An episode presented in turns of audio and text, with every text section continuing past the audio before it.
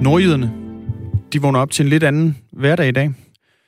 For fra i dag, der er nogle af de her restriktioner, som altså blev, blev indført for, for godt en uges tid siden i, i de syv nordiske kommuner, øh, de er altså blevet ophævet eller lempet. Øh, det betyder blandt andet, at nordjyderne de igen må bevæge sig mellem kommunerne. Øh, og så skal børn fra 5. til 8. klasse altså også til, tilbage i skole igen. Det er altså noget, vi, vi kigger på her i løbet af, af morgenen. Og du må gerne skrive ind til os, hvad det betyder for dig, øh, når du vågner op her øh, til morgen. Hvis du bor i Nordjylland, øh, start din besked med R4, send den til 1424. Hvad er det for en, øh, en hverdag med nogle restriktioner, og nogle, hvor nogle er lempet, som du øh, vågner op til. Og øh, grunden til, at nordjyderne har haft de her restriktioner, det er jo, at der har været coronavirus blandt mink, og det har lukket hele Nordjylland ned. Og vi skal også lige tage den historie med en lidt anden vinkel øh, i dag, fordi hvad med de områder af Danmark, hvor der ligger mange landbrug med andre dyr, altså med svin, med fjerkræ eller andre produktionsdyr, der står tæt, kan vi risikere at se store smitteudbrud fra andre dyr, ligesom vi har set i Nordjylland?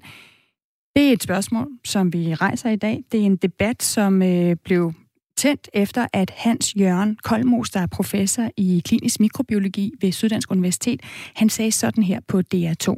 Jeg vil advokere for, at man etablerer en overvågning i svin, og det kunne passende være for eksempel øh, svin, der kommer ind til slagt, øh, slagtning, så man, altså, så man får nogle stikprøver, så man ved, hvad vi har. Du har Danmark har en kæmpe svineproduktion. Siger du, hvis man gik ud i morgen og begyndte at screene de her svin, så ville man finde smitte? Det kan jeg ikke svare på. Det kan jeg ikke svare på siger Hans-Jørgen Kolmos altså her, så skal vi være bekymrede for, at corona kan smitte blandt andet svin og andre landbrugsdyr. Det taler vi med Lars Erik Larsen, der er professor i veterinær biologi ved Københavns Universitet om. Det gør vi i 20 minutter over syv. Og det er jo en tanke, man næsten ikke tør tænke til ende, hvis øh, vi nu også skal til at slå øh, samtlige danske slagtesvin ned. Altså, så, så er der snart ikke øh, landbrugsdyr tilbage i Danmark. Men lad, os inden... lige, øh, lad os ikke, som man Nej. vil sige over i USA, don't jump to conclusions male fanden på væggen, mm. siger vi herhjemme. Det lader vi være med, og så taler vi med Lars Erik Larsen, altså professor i veterinær biologi ved Københavns Universitet, klokken cirka 20 minutter over syv. Og så er det den 16. november i dag. Og det betyder, at der er et år til kommunalvalget, og derfor har vi her på Radio 4 Morgen taget hul på en historie, som handler om, hvor godt vi egentlig er repræsenteret i de danske byråd. Og det vi har sat fokus på, det er politikere med ikke-vestlig baggrund. Vi har lavet en optælling her på Radio 4 Morgen, der viser, at kun 3% af alle byrådsmedlemmer har ikke-vestlig baggrund. Og det er en underrepræsentation i forhold til hele den danske befolkning, hvor der er 6% af danskere, der har ikke-vestlig baggrund. Klokken 5 minutter over halv 8, der får vi besøg af Hussein Arak, som er socialdemokratisk byrådsmedlem i Aarhus Kommune. Og han var den første lokalpolitiker med mellemøstlig baggrund i Jylland. Og han mener, måske lidt overraskende, ikke, at det er noget problem. Du må meget gerne give dit besøg med i den her debat også. Vi vil gerne høre fra dig. Du skriver til 1424. Du starter din besked med R4. Så læser jeg og Christian Magnussen herinde i Radio 4 Morgenstudiet. Velkommen til. Klokken er 8 minutter over syv. Og i dag det var altså oprindeligt dagen, hvor regeringens tidsfrist for landets minkavler for at aflive sin mink, altså udløb. Hvis man ville have den her tempobonus, altså de her 20 kroner per, per, per aflevet mink, ja, så, var det altså, så er det altså i dag, at man skulle nå at have, have aflevet, hvis man ville have, have delt den tempobonus. Og det er altså 12 dage siden, at statsminister Mette Frederiksen sagde, at alle mink i Danmark, de skulle. Senere der har det dog vist sig, at hverken aflivningerne eller tidsfristen med de her tempobonusser har været lovlige. Og det seneste nye i sagen, det er så, at Fødevareministeriet i nat meldte ud, at de vil forlænge den her frist med tre dage, så de altså først skal være aflivet på torsdag, og altså ikke i dag, som oprindeligt var, var planen. Men det kræver altså hjemmelig lovgivningen at udtale de her tempobonusser, og regeringen de forhandler i øjeblikket med Folketingspartier om en erstatning til minkavlerne. Herunder den øh, savnomspundne tempobonus. Men i den seneste tid, der har øh, minkavlerne i hele landet altså aflivet på, på livet løs. Godmorgen, Jens Jensen. Godmorgen. Er du øh, fortsat minkavler, eller er, er du forhenværende? Jeg er forhenværende minkavler. Mine, eller vores, de sidste mink, de blev aflivet i går. Okay. Og du er altså, du er altså forhenværende minkavler i, i Ørbæk på, på Fyn. Jeg kan kalde mig forhenværende. I går var jeg minkavler, ja. I dag er jeg ikke. Ja. Når du kigger tilbage på de, de seneste 12 dage, hvad tænker du så, ja. Jens? Jamen, jeg tænker, det her det har været fuldstændig øh, kæmpestort kaos. Øh, vi har fået de her 12 dage til at aflive alle vores dyr, 75.000. Øhm, og det kan vi sagtens klare, men det har været, det har været en hård opgave. Øh, og det næste i det, det er alle de forskellige meldinger, der har kommet fra, fra myndighederne. Det er fuldstændig ligesom et græsstrå. Man står og væver lidt i vinden fra den ene til den anden side. Den ene dag får vi et lille bitte håb, og næste dag, der er vi bare slået totalt ned igen. Det, jeg så vil sammenligne det med terror, det her. Med terror? Ja, det er simpelthen psykisk terror du kører terror på en hel branche på den måde her. Vi er totalt ikke alle sammen. Vi er fuldstændig slået i stykker. Det vi har, vi har jo det sidste, for vores organisation, har vi jo de sidste flere måneder råbt og skrejet om at få lov til at prøve at beholde lidt avlstyr tilbage, så vi kunne køre en produktion op. Og ingen, ingen af myndighederne, de vil lytte til os. Så kommer Mogens Jensen ud på banen og siger, åh, oh, nu må I beholde 56.000 avlstyr i Danmark. Værsgo. Ja, manden kan ikke regne. Der er jo langt over 2 millioner avlstyr i Danmark i dag. Det vil gå det mindste mest 10 år, inden man får opbygget en produktion i Danmark igen. Det hænger jo overhovedet ikke sammen. Men var det ikke bedre at beholde de 56.000 end, end fuldstændig at lukke erhvervet? Nej, altså det er det jo ikke, fordi hvis, vi, kan jo ikke, vi kan jo ikke drive en forretning på 56.000 avlstyr i Danmark. Det kan slet ikke lade sig gøre. Du kan jo ikke... Øh, det, det, er jo, det, er jo, det er jo du kan ikke drive en foder, foderfabrik, der kan levere foder, så det bliver rentabelt til noget af det her. Det, det, det mm. hænger overhovedet ikke sammen. Seks dage efter at Mette Frederiksen og regeringen de gav den her altså ulovlige ordre om at, om at nedslagte alle mink i Danmark, øh, der kom det så frem, at det rent faktisk var ulovligt. Ja. Øh, hvor, hvorfor stoppede du ikke der, Jens Jensen? Altså, da det kommer frem, at det her, det må de faktisk ikke bede dig og dine kolleger om. Hvorfor stoppede Jamen, du så ikke bare? vi stopper ikke med at aflive, fordi at vi har fået en ordre, og vi skal aflive alle vores dyr, og det skal vi gøre på grund af for, øh, for folkesundhedens skyld.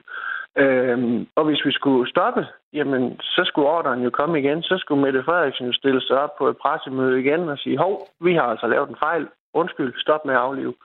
Men vi har ingen kontroller fået. Vi har tværtimod fået et brev fra myndighederne, hvor der står fire gange, der står der i det brev, alle mink skal aflives. Og vi har ikke fået noget. Øh, brev, mod, hvad hedder sådan noget, modsigende, altså vi skal stoppe. Øh, det har vi ikke fået fra myndighederne. At de så ikke har styr på deres ting og sager derinde, det er ikke mit problem. Og i nat, der meldte Miljø- og Fødevareministeriet altså ud, at de vil forlænge den her frist med tre dage, som ikke ja. altså først skal være aflevet på, på torsdag, hvis man vil have delt den her tempobonus. Ja, altså undskyld, så kan man jo sige, at så har det her jo, alle de her mængder, det har jo absolut ikke noget at gøre med folkesundheden. For hvis det her virkelig var et problem for folkesundheden, som de lægger det op til, jamen så skulle minkene væk, og så skulle vi ikke have haft 12 dage til at aflive dem, så skulle de have været væk i morgen, og inden for ganske få dage. Og så nu går de ud og forlænger. Jamen, så har de jo ikke engang på jord det her. Siden øh, sidste weekend, der har I og, og resten af, af Danmark altså vidst, at de her ordre, som, som myndighederne gav, de ikke var, var lovlige. Det fortalte fødevareministeren i, i søndags. Øh, og derudover så kom det altså også frem, at tidsfristen og den dertilhørende bonus på 20 kroner per aflevet mink heller ikke har været lovlig for regeringen at, at love jer. Hvad, hvad, hvad tænker du om det? Altså nu er I blevet lovet en bonus på 20 kroner per, per aflevet mink, i, fordi I gør det så hurtigt. Og nu øh, er der lige pludselig også tvivl om, det rent faktisk også er lovligt. Ja, men det, øh, ja, jeg ved ikke, hvad jeg tænker. Jeg er dybt chokeret over, at politikere, folketingspolitikere, ikke kan have styr på deres egne lov og regler. Ja, ja, jamen, jeg er så rystet over det her, at, at det kan foregå. Det her, det her det er sådan noget, der kan foregå i en eller anden bananrepublik et eller andet sted i verden, og ikke her i Danmark, men, men det er altså her i Danmark, det er foregået. Og det, Jens Jensen, nu, øh, du sagde 75.000 mink, som du har ja. slået ned, ikke?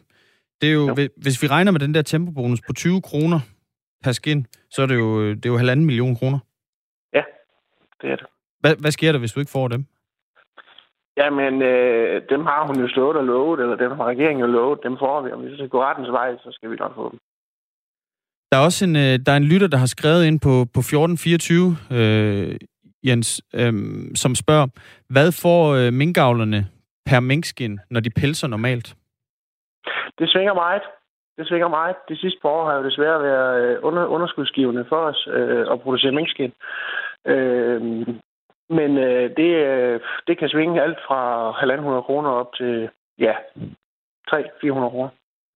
Jeg læste der også i, i Kina her, efter det kom frem, at Danmark skal slå, øh, slå samtlige danske mink ned, at der er, der er prisen på de her auktioner, hvor skinnene bliver solgt, den er også steget sådan ganske ja. betragteligt. Ja, vil, vil det, det Vil det have været bedre for jer at pelse, end at få Meget de her bedre. bonusser? Meget bedre, helt sikkert. Ja, for søren da. Det, øh, det her da været en langt bedre forretning. Okay. Du er, du er altså øh, 34, er det ikke rigtigt forstået? 34 det er år, rigtigt, ja. og du har, du har arbejdet med mink hele dit voksenliv. Og nu står du så øh, som første dag, første dag i resten af dit liv. Ja. Hvad, hvad, hvad, hvad skal du lave nu, Jens? Ja, men øh, nu forløbig har jeg da lidt på bundet, hvor vi skal have ryddet op på farmen og have, have, have, har nogle ting, vi skal have gjort der. Og så derefter, så, øh, så mit arbejde det kommer til at bestå i, altså sådan som jeg ser den her situation, jamen staten, de har jo de har tvunget mig, de har tvunget mig til at pelse mine dyr. Øh, og det her, det skal jo erstattes på en eller anden måde. Øh, I bund og grund, så vil jeg jo sammenligne med, at staten har købt, købt min forretning. De har købt min virksomhed. Øh, så nu skal vi jo så hen og have fundet prisen på det her. Øh, så det er det, min tid, der skal bruges til fremover.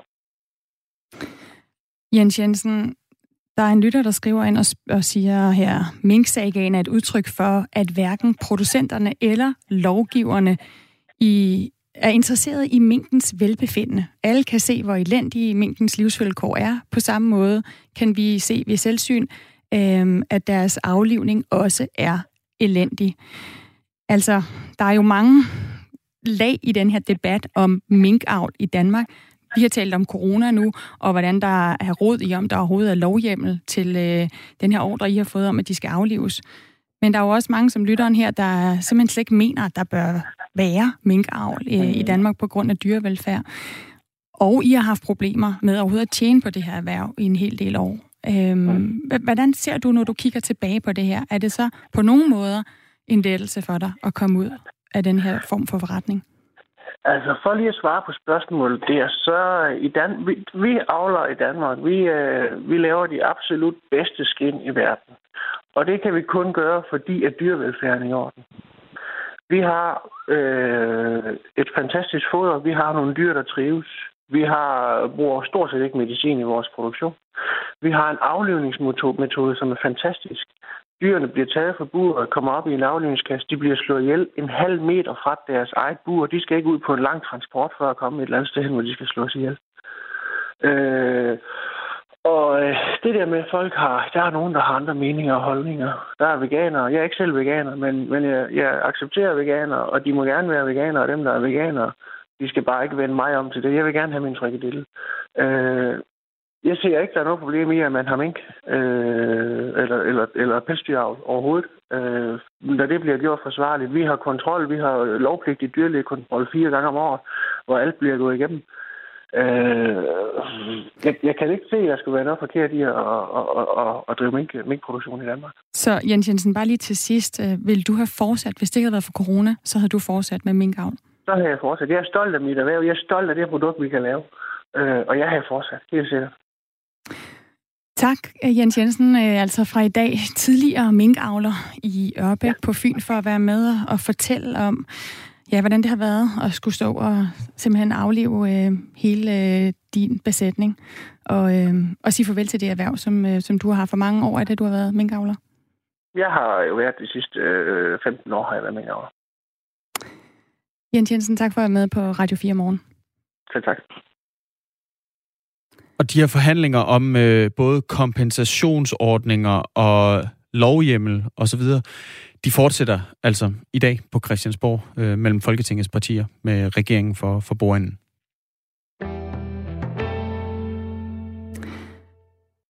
Det er slut for mange mink. Noget andet, der er slut, noget helt, helt andet, det er det amerikanske valg.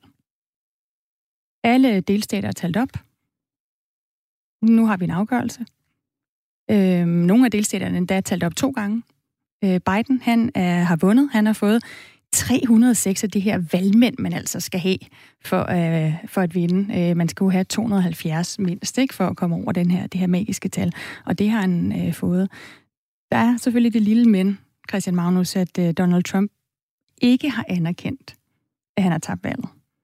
Eller har han? Prøv lige, at, prøv lige at lytte med til det her klip. Øhm, Jeg er lidt i tvivl om, hvad det er, Donald Trump egentlig siger her. This administration will not be going to a lockdown. Hopefully, the the uh, whatever happens in the future, who knows which administration will be? I guess time will tell. Ja, altså, denne her regering vil ikke lave en nedlukning, forhåbentlig. Hvad end der sker i fremtiden, hvem ved, hvilken regering det bliver? Det får vi at se, tænker jeg. Altså, når, når han siger nedlukning, så går jeg ud fra, at det ikke er sådan en coronanedlukning, han mener, men at man altså spærrer sig ind i det hvide hus. Nej, det er en coronanedlukning. Det er en coronanedlukning. Ja, han var simpelthen til et pressemøde. Det var første gang, at Trump han trådte frem foran, altså offentligt efter valget. Han holdt pressemøde i fredags, og der, øh, der sagde han altså det her om, at med den her administration, der vil der ikke komme en nedlukning på grund af corona. Mm. Men hvem ved med en, anden, med en anden administration? Så hvad er det lige, Trump han siger her? Altså, han siger jo ikke, at han har tabt men anerkender han, at der kan komme en anden regering end, end hans? Altså når han siger, who knows what administration it will be. Nå, det var så fredag. Han trådte frem til det her pressemøde i går, søndag, der vågnede Trump sig op, og klokken 7.44, nej, undskyld, 7.47, der havde han altså fået søvn ud af øjnene, der, øh, der tweetede han, He won because the election was rigged. Mm. Altså han vandt, fordi at der var valgsnød. Mm. Joe Biden. Så øhm, de første to ord, han vandt, det er sat ild til Twitter. Og det er sat ild til den amerikanske medieverden. Fordi hvad betød det nu? Altså har Trump så faktisk i går anerkendt, at han har, at han har tabt? Mm-hmm. Han skriver simpelthen, he won. Og, og hvad så? Står han, står han ved den, den anerkendelse så? Nej, svaret kom øh, klokken 16 minutter over 9, altså halvanden time efter det første tweet. Så slår Trump fast, at øh, I concede nothing. We have a long way to go. This was a rigged election. Trump giver altså ikke op. Så hvorfor tweetede Trump så he won om Biden? Fordi, forklarer Trump i et sidste tweet, det er, hvad os fake news media, vi siger, altså at Biden har vundet præsidentvalget. Derfor skrev han, he won. Jeg kan godt blive lidt desorienteret om det her valg, der stadigvæk ikke er slut. Øh, Trump han blev ikke så desorienteret. Han tog ud på golfbanen og øh, spillede golf resten af søndagen. Jeg gad altså godt vide, øh, altså, hvor godt hans golfspil er i ja. de her dage. Der var jo også et, kort efter valget, der var der jo også øh, historie om, at han var ude og spille golf. Øh, var det to dage? Eller kort tid efter valget i hvert fald, der var han nede på sin øh, private golfbane og, og spille golf. Kan vide, om han altså spillede bedre eller dårligere, end han plejede? Lige præcis. Skal vide, om han var desorienteret eller klarsynet. Det melder den her historie ikke noget om. Men indtil videre, valget er ikke helt slut. Klokken er 22 minutter over syv, øh, og du lytter til Radio 4 morgen.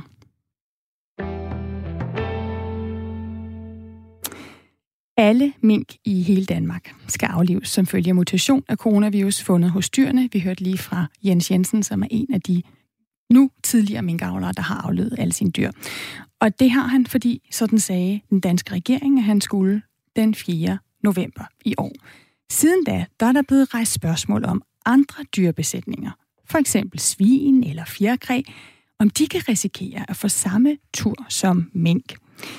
Lars Erik Larsen, professor i veterinærbiologi ved Københavns Universitet. Det kan være, at du kan hjælpe med at besvare det spørgsmål. Godmorgen. Ja, godmorgen.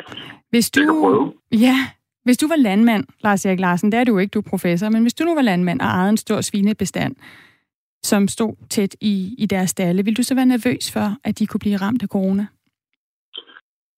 Nej, det vil jeg ikke, fordi der er ikke noget som helst, der tilsiger, at, at svin kan, er modtagelige for det her virus. Der er lavet en række, en række forsøg, der viser, at, øh, at svin ikke øh, ret let kan inficeres. Altså i et øh, kanadisk forsøg, der har forskere sprøjtet en stor dosis coronavirus op i næsen på i alt 16 grise. Og ingen grise blev særlig syge, men, men forskerne kunne altså finde spor af viruset i fem af grisene i 3-13 dage efter. Og de her forskere, de skriver selv, at forsøgets resultat dermed, citat, modsiger tidligere undersøgelser, der indikerer, at svin ikke er modtagelige over for infektioner med SARS-CoV-2. Øh, citat slut. Altså, øh, Lars Erik øh, Larsen, hvordan kan du være så sikker på, at corona ikke er en trussel for, for vores svineeksport, når nu der godt kan finde smitte i, i 5 ud af 16 grise? Ja, men man kan aldrig sige, at man er sikker, fordi sådan er det øh, med de her ting. Men Altså, der er lavet en, en, en række forsøg. Jeg tror, vi er oppe på fem eksperimentelle infektioner, som, som det kanadiske studie. Og nu siger du, at der blev genfundet virus fra dag 3 til dag 15. Der blev fundet virus, det er rigtigt, eller virus RNA i hvert fald, i, øh, i øh, tre grise, men kun øh, hver af dem kun øh, på en dag. og, øh, og så bliver der fundet levende virus i øh, lymfeknuden. Men, øh, men ikke i næsen, og, øh, og en række af de her grise, de, øh, de dannede heller ikke antistoffer. Hvad, så, øh, hvad betyder så det, det helt præcist? Altså, ja, men det betyder, at, øh, at med de her studier, der tager man jo man tager noget virus, og så gror man det i cellekultur, og så øh, eksponerer man grise for det i, i høje mængder. Mm-hmm. Og det, der, det her kanadiske studie, de bruger så det 10 6 øh, infektiøse enheder, hvor, hvor andre har brugt 10 femte, så de bruger altså 10 gange øh, mere, og det er altså meget, meget høj mængde af virus. Så de udsætter svinene for en højere dosis, end man normalt vil gøre? Ja, mm. som de andre studier har gjort. Mm. Og de finder altså kun i, øh, i enkelte prøver for de her grise. De finder det slet ikke i næsesvaber. Altså, der er ikke noget, der tyder på, at de her grise de udskiller det her virus. Men de genfinder det her virus øh, RNA, og det er det RNA, som er deres øh, arvestof, og det er ikke ens betydende med, at der er aktiv replikation i, øh, i de her grise. Prøv, prøv lige, det, skal vi lige for, forstå, hvad du, hvad du siger der. Altså, det, at det ikke findes øh, i deres næse, betyder det så, at de ikke kan smitte tilbage til mennesker, for eksempel? Ja, fordi den metode, man bruger, det er jo for den samme metode, vi bruger her til vores screeninger af mennesker. Der påviser man virusets øh, arvemasse. Og, øh, og der kan godt være arvemasse til stede, uden at virus er levende, så at sige. Så det er ikke et tegn på, at, at der har været en aktiv infektion i, øh, i de her grise. Og det er så med de fleste virus, kan man godt, hvis man øh, eksponerer andre dyr med meget, meget store mængder, kan man godt inducere sådan nogle, nogle øh, få, øh, få dage, hvor de bliver positive, øh, uden at det er tegn på, at, øh, at virus kan, kan slå an i de her grise. Mm. Så når man tager alle de studier, der er lavet, altså de her 4-5 stykker, øh, alt i alt, så tolker vi, at, at samlet set, at de øh, indikation på, at, at grise ikke er meget modtagelig for det her. Og yder, yderligere har der heller ikke været nogen rapporter nogen som helst steder i verden omkring, at man har fundet øh, det her, altså covid-19-viruset i, i grise. På trods af, at der, der må være en masse, der er blevet eksponeret eller en masse, der passer griser og så videre, der har været, øh, der har været smittet. Lars Erik Larsen, altså professor i veterinærbiologi ved Københavns Universitet. Nu siger du, vi øh, tolker ikke, at, at, at der er et problem, men der er jo en, der, der har stillet spørgsmålstegn ved, om vi kan være sikre på, at coronasmitten ikke kan kan leve blandt svin eller andre produktionsdyr. Det er Hans Jørgen Kolmose, der er professor i klinisk mikrobiologi ved Syddansk Universitet. Han sagde sådan her på DR2. Problemet her, det er, disse meget store besætninger med mange dyr samlet på et på meget lidt plads i virkeligheden.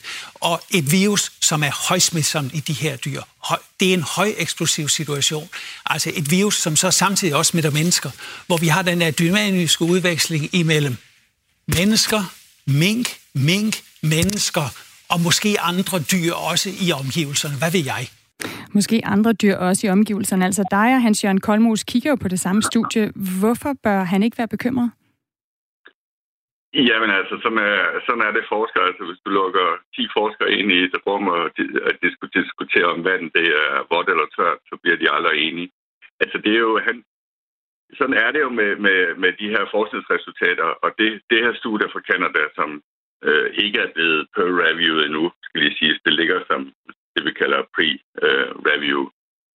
Altså tolker, øh, tolker han som indikation på, at, at man kan, hvor jeg tolker det omvendt til, at, at på trods af, at de bliver udsat for så høje doser, så er det meget få øh, griser og kun en enkelt dag, hvor man finder viruset. Det, sådan er, sådan er, sådan sådan er, er det, ja. Det er en, en lille smule måske ikke så betryggende for os, der så står og skal vente på, at I forskere bliver enige. Lige til sidst, fordi der er nyheder om lidt, så meget kort, øh, sådan ja-nej, øh, Lars Erik Larsen. Mener du, at det er en god idé at øh, teste danske svin for coronavirus? Jamen, jeg, jeg synes ikke, der er noget, der tilsiger, at svin er, øh, er, kan blive smittet. Det er jo op til myndighederne ud fra et forsigtighedsprincip at beslutte, om man skal teste danske svin. Og som forsker vil vi jo gerne have så mange oplysninger som muligt. Så sådan en undersøgelse vil da være dejligt at få, men det spørgsmål, er det der, vi skal bruge ressourcerne, og er det, er, er det værd at bruge så mange penge på det? Men det er jo en myndighedsbeslutning, det er jo ikke mig, der skal beslutte det. Sagde altså Lars Erik Larsen, professor i veterinærbiologi ved Københavns Universitet. Tak for at være med her på Radio 4 Morgen. Velkommen. Hvor klokken nu er halv otte, og der er nyheder.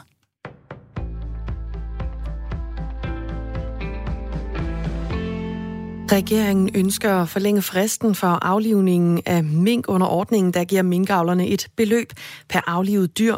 Det oplyser Miljø- og Fødevareministeriet i en pressemeddelelse kort efter midnat natten til i dag. Fristen for den såkaldte tempobonusordning vil regeringen rykke fra i dag og så til på torsdag. Ordningen betyder, at minkavlere får bonus for hurtig aflivning af deres dyr. I syv nordjyske kommuner får minkavlerne 30 kroner per mink, de har aflivet inden på torsdag, og i resten af landet modtager avlerne 20 kroner. Lovgrundlaget i ordningen skal dog først på plads, før det er muligt at udbetale bonusen. Søndag aften er regeringen og Folketingets partier fortsat ikke enige om en minklov, så ifølge Ritzaus oplysninger, så skal samtlige partier mødes igen her til formiddag for at forhandle videre. Søndag der opfordrede de blå partier i Folketinget i et åbent brev til regeringen, at regeringen trækker tempusbonus bonusordningen til minkavlerne tilbage, for ifølge Blå Blok så presser det minkavlerne til at få aflivet besætningerne. Byrådspolitikere med ikke-vestlig baggrund er underrepræsenteret i de danske byråd. Det viser en optælling, som Radio 4 har lavet af byrådsmedlemmer i landets 98 kommuner. Optællingen viser, at kun 77 af landets mere end 2.400 byrådsmedlemmer er indvandrere med ikke-vestlig baggrund. Det svarer til cirka 3 procent. Men hvis man kigger på befolkningstallet i Danmark, så udgør de ikke-vestlige indvandrere en næsten dobbelt så stor andel, nemlig 6 procent. Ulrik Kær, der er kommunalforsker og professor ved Institut for Statskundskab på Syddansk Universitet, peger på, at det kan skyldes manglende opmærksomhed, både fra de politiske partier og fra vælgerne. Men der kan også være andre forklaringer. De undersøgelser, der findes af det her, de viser øh, meget, meget tydeligt, at folk med anden etnisk baggrund end dansk, de, øh, de stemmer mindre. Sagde altså Ulrik Kjær. Esat Tyrk, der er byrådsmedlem i Højtostrup Kommunes byråd, mener, at det er et demokratisk problem med den manglende repræsentation. Det kan godt være, at man tænker det bedste for en bestemt gruppe, men når man ikke kender til deres udfordringer, eller deres kultur, eller deres værdier, så bliver det svært at skulle træffe den, en rigtig beslutning for deres vedkommende. Og i dag der er der et år til, at vælgerne i Danmark igen skal til stemmeurnerne til kommunal- og regionsrådsvalg. På under en uge er antallet af coronasmittede personer i USA steget med over 1 million. Det viser en løbende opgørelse fra Johns Hopkins University ifølge nyhedsbyrået AFP. Søndag har antallet af bekræftede smittetilfælde passeret 11 millioner. Og for seks dage siden, der krydsede USA de 10 millioner smittetilfælde. I USA er mere end en kvart million personer døde som følge af viruset siden pandemiens begyndelse. Og dødstallet i USA svarer til, at omkring, til omkring 75 døde per 100.000 indbyggere. Til sammenligning har Danmark 13,1 dødsfald per 100.000 indbyggere. Og fra i dag vil nogle af restriktionerne i de syv nordjyske kommuner, der er lukket på grund af coronavirus blandt mink, blive lempet. Fremadrettet må man blandt andet igen bevæge sig frit mellem de syv kommuner, og den kollektive trafik vil derfor også genoptage rejser på tværs af kommunegrænser. Myndighederne opfordrer dog kraftigt til, at alle beboere i de berørte kommuner, de fortsat forbliver i det område, nedlukningen omfatter. Børn i folkeskolens 5. til 8. klasse, de skal igen tilbage i skole. Først på dagen regn på Bornholm og ellers byer og i perioder lidt sol. Temperaturen de lander mellem 8 og 12 grader. Du lytter til Radio 4. Mit navn er Dagmar Eben Østergaard.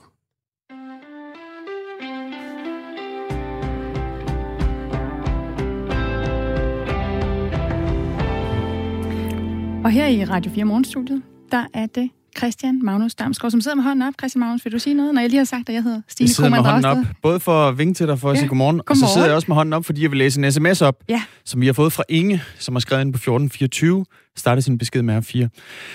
Hvad sker der i verden? Jeg har en mistænk om, at der sker mere end mink og amerikansk valg. Sker der intet i Mellemøsten, Sverige, England, Sydamerika og alle andre steder? Skriver Inge altså. Vi Det gør der. Det gør der. Det gør der, Inge. Og det, der blandt andet sker, det er, at øh, der er en ny skandale under opsejling. Øh, amerikanerne har i flere år overvåget øh, de dan- det danske forsvarsministerium, udenrigsministerium. Det er altså en historie, som, som DR har her til morgen. Og det er også en historie, vi kommer til at, at tale om om 10 minutter. Der sker også noget helt uden for verden. Øh, vi skal blandt andet lidt senere på morgen høre om, øh, hvad det er for en tur, som to militærofficerer, en tidligere fodboldspiller og en japansk spider har begivet sig ud på øh, i natdansk tid. Jeg kan godt afsløre, at øh, turen går uden for vores atmosfære, og den øh, foregik også via en, en raket. Og så lige en sidste ting, som der også sker, og måske i en lidt anden kategori. Der sker også det, at øh, 1,2 milliarder hinduer verden over er ved at fejre nytår. Og jeg kunne rigtig godt tænke mig at tale med en dansk hindu om, hvordan man fejrer nytår på det her tidspunkt, hvor der er coronarestriktioner. Fordi på en eller anden måde, så kan de jo måske give, man kan give nogle gode råd til os øh, danskere, der skal fejre jul, altså de danskere, der fejrer jul. Øh, hvordan gør man det her med at, at fejre noget sammen? Altså, så jeg ved ikke så meget om Diwali, som den her øh, festlighed hedder, men øh, det er i hvert fald noget med det lysets fest. Der er alle de der gode ingredienser, der er øh, når man skal fejre en religiøs højtid. Der er gaver, der er lys, der kæmper mod mørke, der er en historie om det gode, der vinder over det onde, øhm, og så er der pænt tøj, og at man skal forsamles med dem, man er tæt på. Så skriv ind til os, hvis, øh, hvis du er hindu, hvis du bor i Danmark. Øh, så kunne det være, at vi kunne øh, tale med dig om, hvordan fejrer man øh, Diwali. 1424, start din besked med R4. Så meget kan man få ud af at skrive en sms ind til os. Præcis. Ja. Og der, der er også en lytter, der skriver ind, at uh, Indien har fået en vaccine mod corona, der hedder Sputnik 5, til jeres orientering. Det var nu Rusland, der fik en, uh, der, der udviklede en coronavirusvaccine, som de kaldte Sputnik 5. En vaccine, som der er lidt debat om i Rusland lige nu, om rent faktisk virker. Der har i hvert fald været øh, historie fremme i de russiske medier om, at, at flere, som har fået den her vaccine, faktisk har formået at, at blive smittet med coronavirus efterfølgende. Der er nok at se frem til på resten af Radio 4 morgen, så øh, lyt med. Lige nu, der skal det handle om kommunalvalget, som der jo altså er et år til. Og grunden til, at vi så alligevel diskuterer det her til morgen, det er, om der er et problem med, at der er en underrepræsentation af lokalpolitikere med ikke-vestlig baggrund i byrådene. Vi har nemlig her på Radio 4 Morgen lavet en optælling på byrådsmedlemmernes etnicitet, og den viser, at kun 77 ud af 2.432 byrådsmedlemmer har en ikke-vestlig herkomst. Det er cirka 3 procent. Og det er altså halvt så mange, som der er i den danske befolkning til sammen. Der er der nemlig 6 procent, der har ikke vestlig baggrund. Godmorgen, Hussein Araj. Godmorgen. Du er byrådsmedlem i Aarhus øh, Kommune fra Socialdemokratiet, ja. og tidligere folketingsmedlem. Ja. Født i Tyrkiet, kom til Danmark som 15-årig med dine forældre, og du var det allerførste byrådsmedlem i, i hele Jylland med mellemøstlig øh, baggrund. Det, det er 27 år siden, ja. at du blev øh, valgt ind, og det er, jo, det er jo lang tid efterhånden. Men lad os lige prøve at spole øh, tiden tilbage. Hvordan blev du modtaget som øh, det første byrådsmedlem med, med ikke-vestlig baggrund? Jeg vil med stor glæde og stolthed sige, at Aarhus Kommune er anderledes forhold til de andre øh, kommuner. Vi er ikke underrepræsenteret i Aarhus. Det er det første. Det andet, jeg bliver modtaget både godt, men også dårligt af dem, der ikke kendte mig. Men jeg må sige, at jeg var meget glad for den modtagelse, jeg fik fra mit eget øh, øh partikollega, men også fra andre partier. Øh, de viser accept, de viser respekt. Øh, selvfølgelig det er op til en, men hvad man kan producere. og hvordan kan man øh, samarbejde med andre i partiet, men også uden for partiet. Det er endnu vigtigere at have et godt samarbejde med øh, øh, politikere fra andre partier. Og det er ikke for at prale, men jeg synes, jeg har det rigtig fint samarbejde med, øh, med andre øh, politikere i Aarhus. Og det er derfor, de har øh, givet mig plads øh, på den politiske arena. Og så er der også mange andre, øh, også fra andre partier, med en anden etnisk baggrund end dansk, der stillet op og gjort et godt stykke arbejde, blandt andet vi har to rådmænd med ikke dansk baggrund i Aarhus øh, Kommune, og jeg kom så langt op, som du også har sagt, Stine, til øh, Folketinget. Det vil sige, hvis man øh, passer sit arbejde, hvis man skaber tillid, og, og hvis man øh, øh opnår nogle resultater, så er der også mulighed for, at man kan få nogle ting igennem i det politiske liv. Så først og fremmest en god modtagelse Der var også nogle problemer, siger du så i starten. Kan du, kan du lige øh, komme ind på de negative oplevelser, du også havde? Ja, det vil jeg meget gerne. Selvfølgelig var der mange, der, blev, der var glad og, og stolt, og nu var der der en med øh, ikke dansk baggrund, der var valgt. Uh, især tyrkerne var helt op og køre, hvor jeg sagde, at jeg er inde imellem og, i, i byrådet. Jeg kan ikke uh, tage beslutninger alene, jeg er nødt til at arbejde med andre. Men der var nogle mennesker, som ikke kendte mig, som ikke uh, har haft noget med mig at gøre. Det her er en fordom, Når kommer der en uh, uh, udlænding i Aarhus Byråd, og de begyndte at sende nogle øh, breve og nogle trusler og chikaneringer og bestille nogle varer, som jeg ikke har bestilt. For eksempel, jeg bor i en lejlighed. Øh, der var en græsslåmaskine, der var bestilt hjem til mig. Øh, og der var nogle breve, der blev sendt med mit navn, Ullen øh, Frimærker hvor jeg skal til posthuset hver eneste næsten uge for at snakke, at det er ikke mig, øh, der har øh, sendt det der brev og der bliver sendt blader og alt muligt ting og sager. Men det er heldigvis ikke sådan i, i dag. Fordi der er mange, der kender mine holdninger og mine meninger. Øh, også måske, de har snakket med folk fra andre partier og siger, at han er ikke så slem, hvis jeg må sige det på den måde. Men i starten var det rigtig træls hvor mm. man øh, blev udsat for det ene og det andet, øh, hvor man fik nogle øh, breve, der ikke enes med dine holdninger, men folk tror, at du har de holdninger. Og så øh, de troede, man var fundamentalist, man var terrorist, øh, man var øh, ødelæggende for det danske demokrati. Øh, sådan er det heldigvis ikke i dag. I hvert fald for mig. I hvert fald ved dig, ja, for vi har jo talt med et andet byrådsmedlem med ikke-vestlig baggrund. Det er Isat øh, Sentyrk, der sidder i Høje Tostrup Kommunes byråd, og han har også selv øh, rødder fra Tyrkiet. Han har kun siddet i byrådet i tre år, men han fortæller, at han nogle gange oplever en nedladende tone rettet mod bestemte etniske grupper. Jeg har flere gange oplevet, at man nærmest taler nedladende med, med folk, der har en anden etnisk baggrund, når man kigger på byudvikling. Og det synes jeg ikke er fair. Og, og jeg måtte flere gange slå på bordet og sige, nu skal man passe på med, hvordan man udtaler sig om af forskellige grupper. Hussein Araj, hvordan oplever du, at byrådet taler og diskuterer politik, når det gælder folk med ikke-vestlig baggrund? Altså, jeg kan kun udtale mig på Aarhus Byråds vegne, mm. eller hvad der sker i Aarhus Byråd. Øh, sådan har jeg ikke oplevet. Uh, jamen, jeg siger ikke, at jeg er uenig med mine kollegaer, uh, der udtaler sig på den måde. Men det er også sådan, at man skal også selv gå ind i debatten. Det er ikke så let. Øh, det har jeg selv oplevet på min egen krop. Men man skal bare vise, sådan uh, behøver det ikke være. Øh, sådan er man ikke. Sådan har ikke de holdninger. Og så vil jeg også sige, at hvis man er med med et parti, så skal man have kendskab til det partis øh, program, og det der holdninger og meninger, de har over for forskellige områder, om det er skat, det er udlændinge, eller det er børn og unge, eller det er ældre, det må man gå ind og, og læse, inden man melder sig i en parti. Øh, jeg siger ikke, at øh, man oplever nogle øh, grimme bemærkninger en gang imellem. Så må man vende sig om og tage kampen om og sige, hallo, hør nu her, jeg har også været her så lang tid, som du har, og så videre. Mm. Og det er mine holdninger, det er mine meninger. Øh, det er rigtigt nok samtidig, når, det, når en rabiat udfører en eller anden uh, fuldstændig uh, dum handling i Danmark, eller uden for Danmark, for eksempel øh, i Frankrig eller i, i Østrig, så bliver jeg spurgt, hvorfor gjorde han det? Er det noget med kulturen at gøre? Er det noget med religionen at gøre?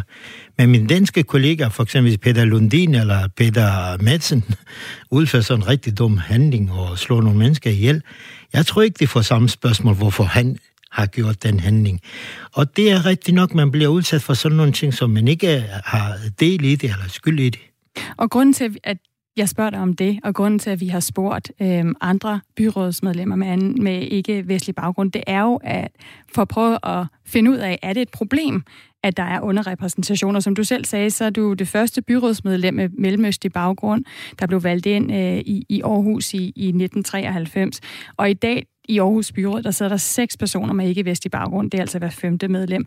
Men det er ikke fortællingen rundt om i, i landet. I over halvdelen af landets kommuner, 54 helt præcist, mm. der sidder der ingen politikere med ikke-vestlig mm. indvandrerbaggrund. Er den her manglende repræsentation af politikere med ikke-vestlig baggrund, er det et demokratisk problem? Jeg synes, hvis folk ikke går ind og deltager i demokratisk proces i vores land, i vores byer, det er et problem. Men det skal heller ikke være sådan, altså, at man skal pynte nogle lister, fordi det skal se pænt ud. Jeg synes, at politikerne øh, skal selv søge, søge indflydelse, og folk skal være interesseret i det. Og så har jeg en god råd til mine øh, kommende øh, kollegaer fra øh, Mellemøsten eller fra andre dele af verden. Altså, man kan ikke øh, lave revolution løbet af en periode eller løbet af et år.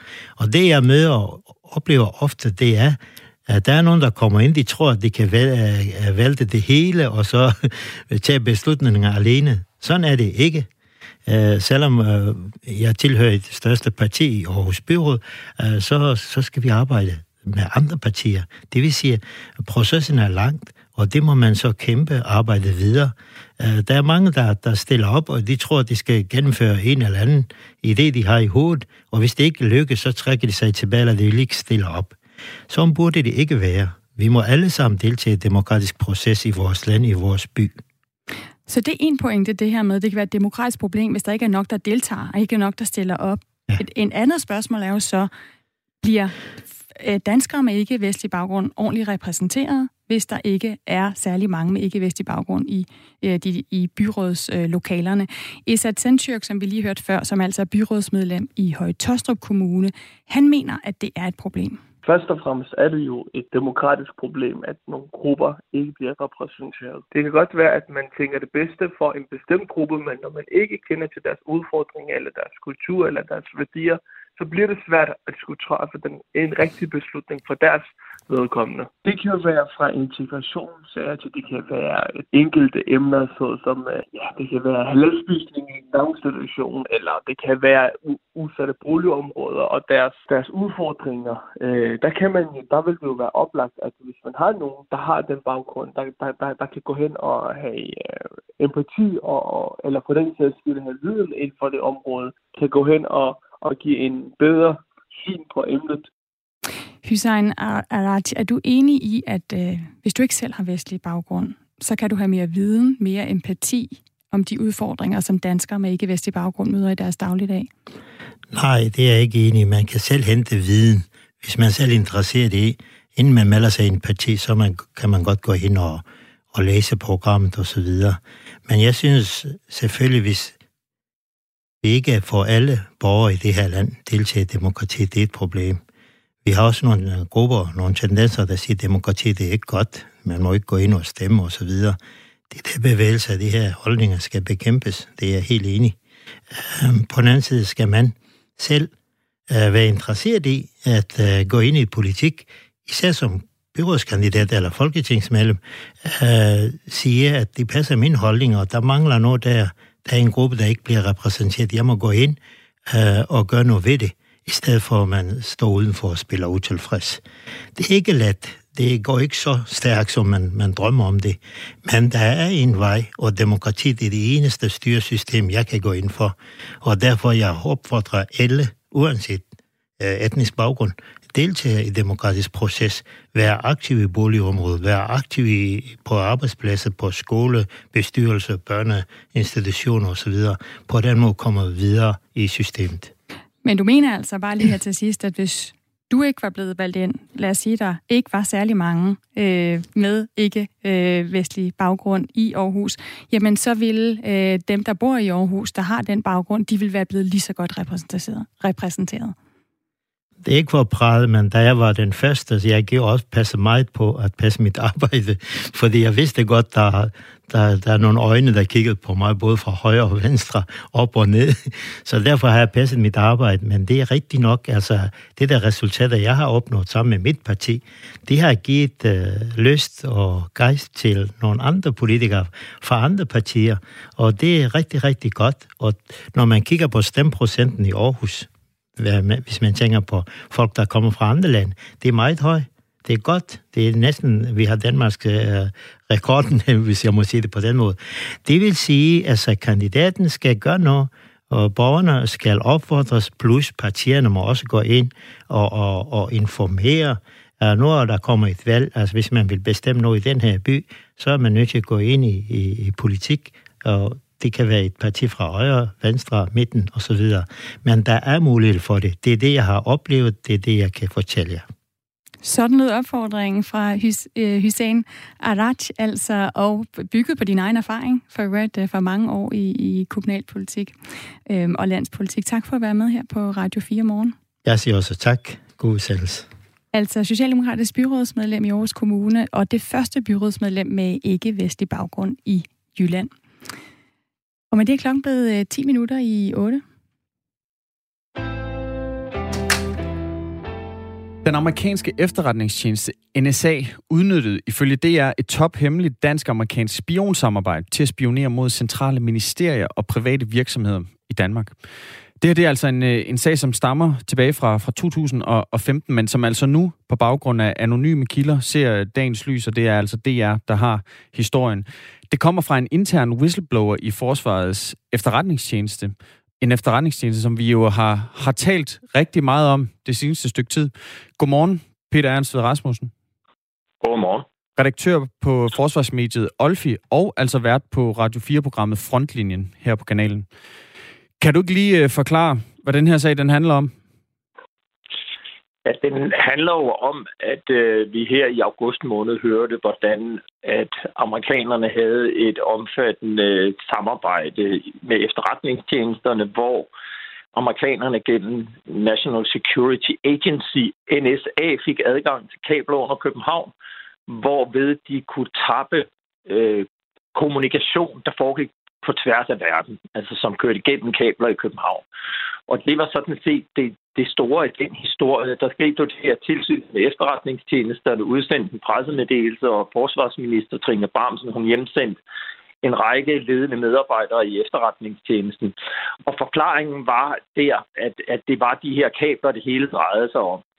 Og øh, et, et, et af punkterne i pressemeddelelsen handlede om, at efterretningstjenesten havde undladt at iværksætte en... Øh, øh, altså, der var mistanke om spionage, som, som efterretningstjenesten ikke havde reageret på. Og noget tyder på, at det kunne være den her sag, vi nu får frem, som det handler om. Og det er altså, at NSA efter at have fået adgang til kablerne for at kunne lytte med på, hvad russerne og kineserne gør, så rent faktisk også har brugt adgangen til at kigge øh, vennerne efter i sømmene. Altså at de har åbenbart spioneret både mod Danmark, men også mod andre europæiske lande, som Frankrig, Tyskland, Norge etc.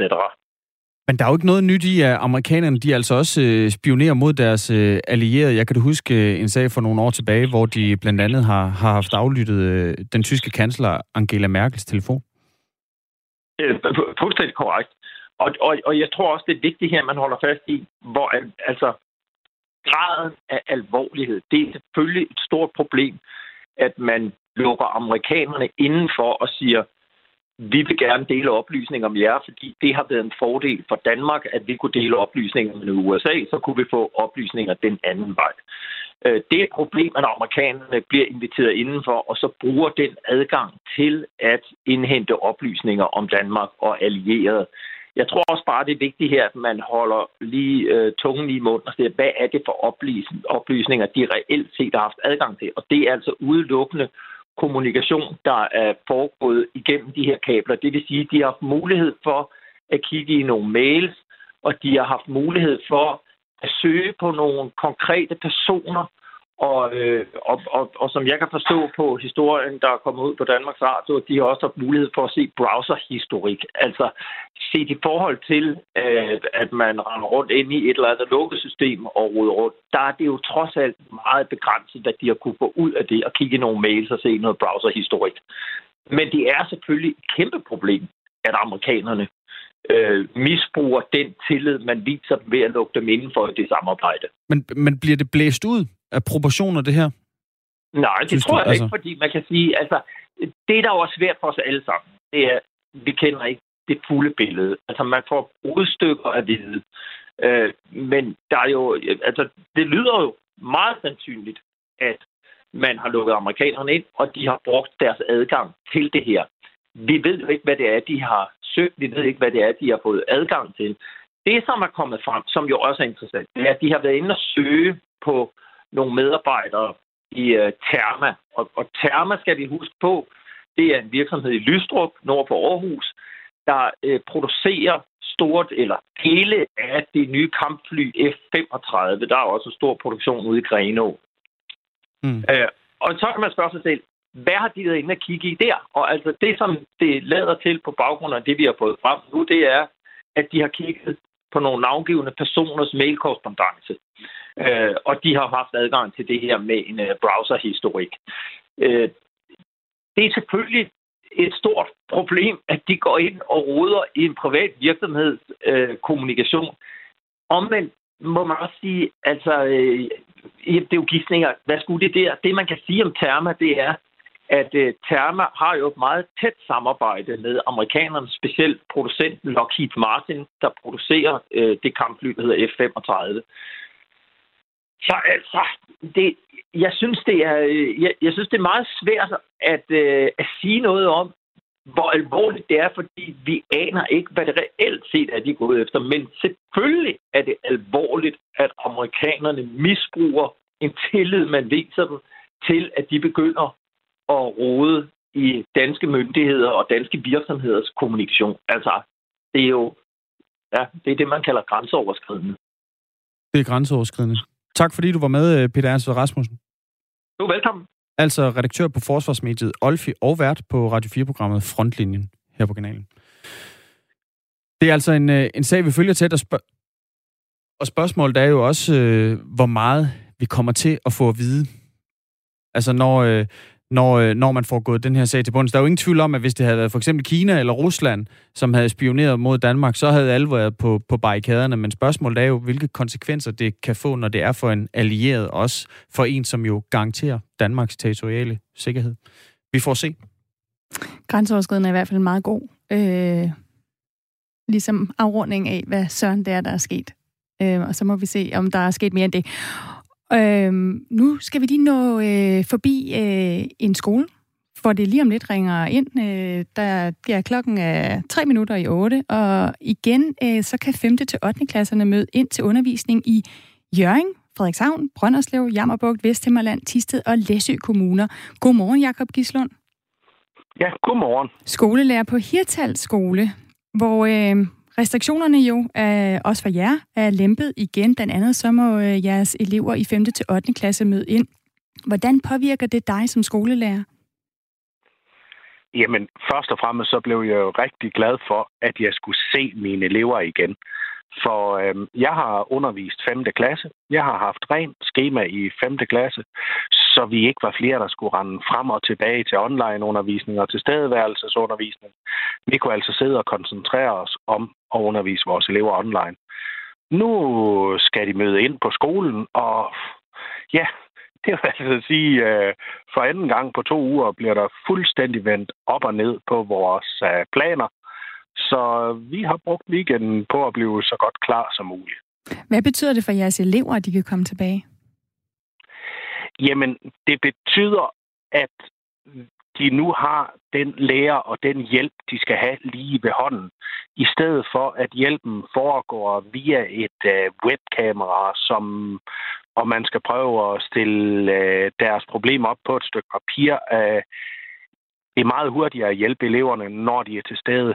Øh, man får mere af kommunikationen med, der er imellem mennesker. Den nonverbale kommunikation får man jo mere med, når det ikke bliver filtreret igennem en computer.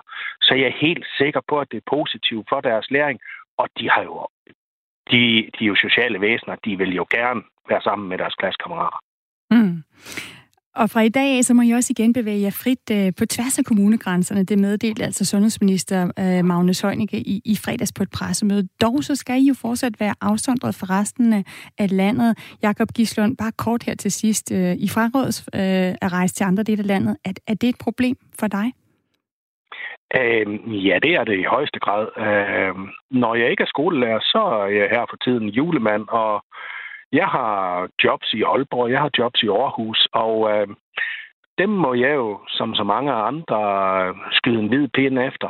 Det er ikke muligt for mig i øjeblikket at komme ud af, af de berørte kommuner her, så, så ja, det, det Hvordan skal børnene mig. så få deres gaver? Ja, jeg vil sige, Jacob Gislund, jeg håber virkelig, at du, har, at du har ringet til nogle af de andre julemænd, der måske findes, og sørge for, at julen også kommer til Aalborg. Jeg kan love jer, at jeg har gode kolleger, der er parat til at tage over. Men det er jo lidt trist, når det er juletræsfester, man har haft igennem flere år, og set små børn vokse op og blive større og større. Men julemanden har sendt dem en video. Tak, Jakob Gislund, også for at øh, fortælle os, at julen, den trods alt er, er reddet. Altså skolelærer på Hirtshals skole og julemand. Nu er der nyheder.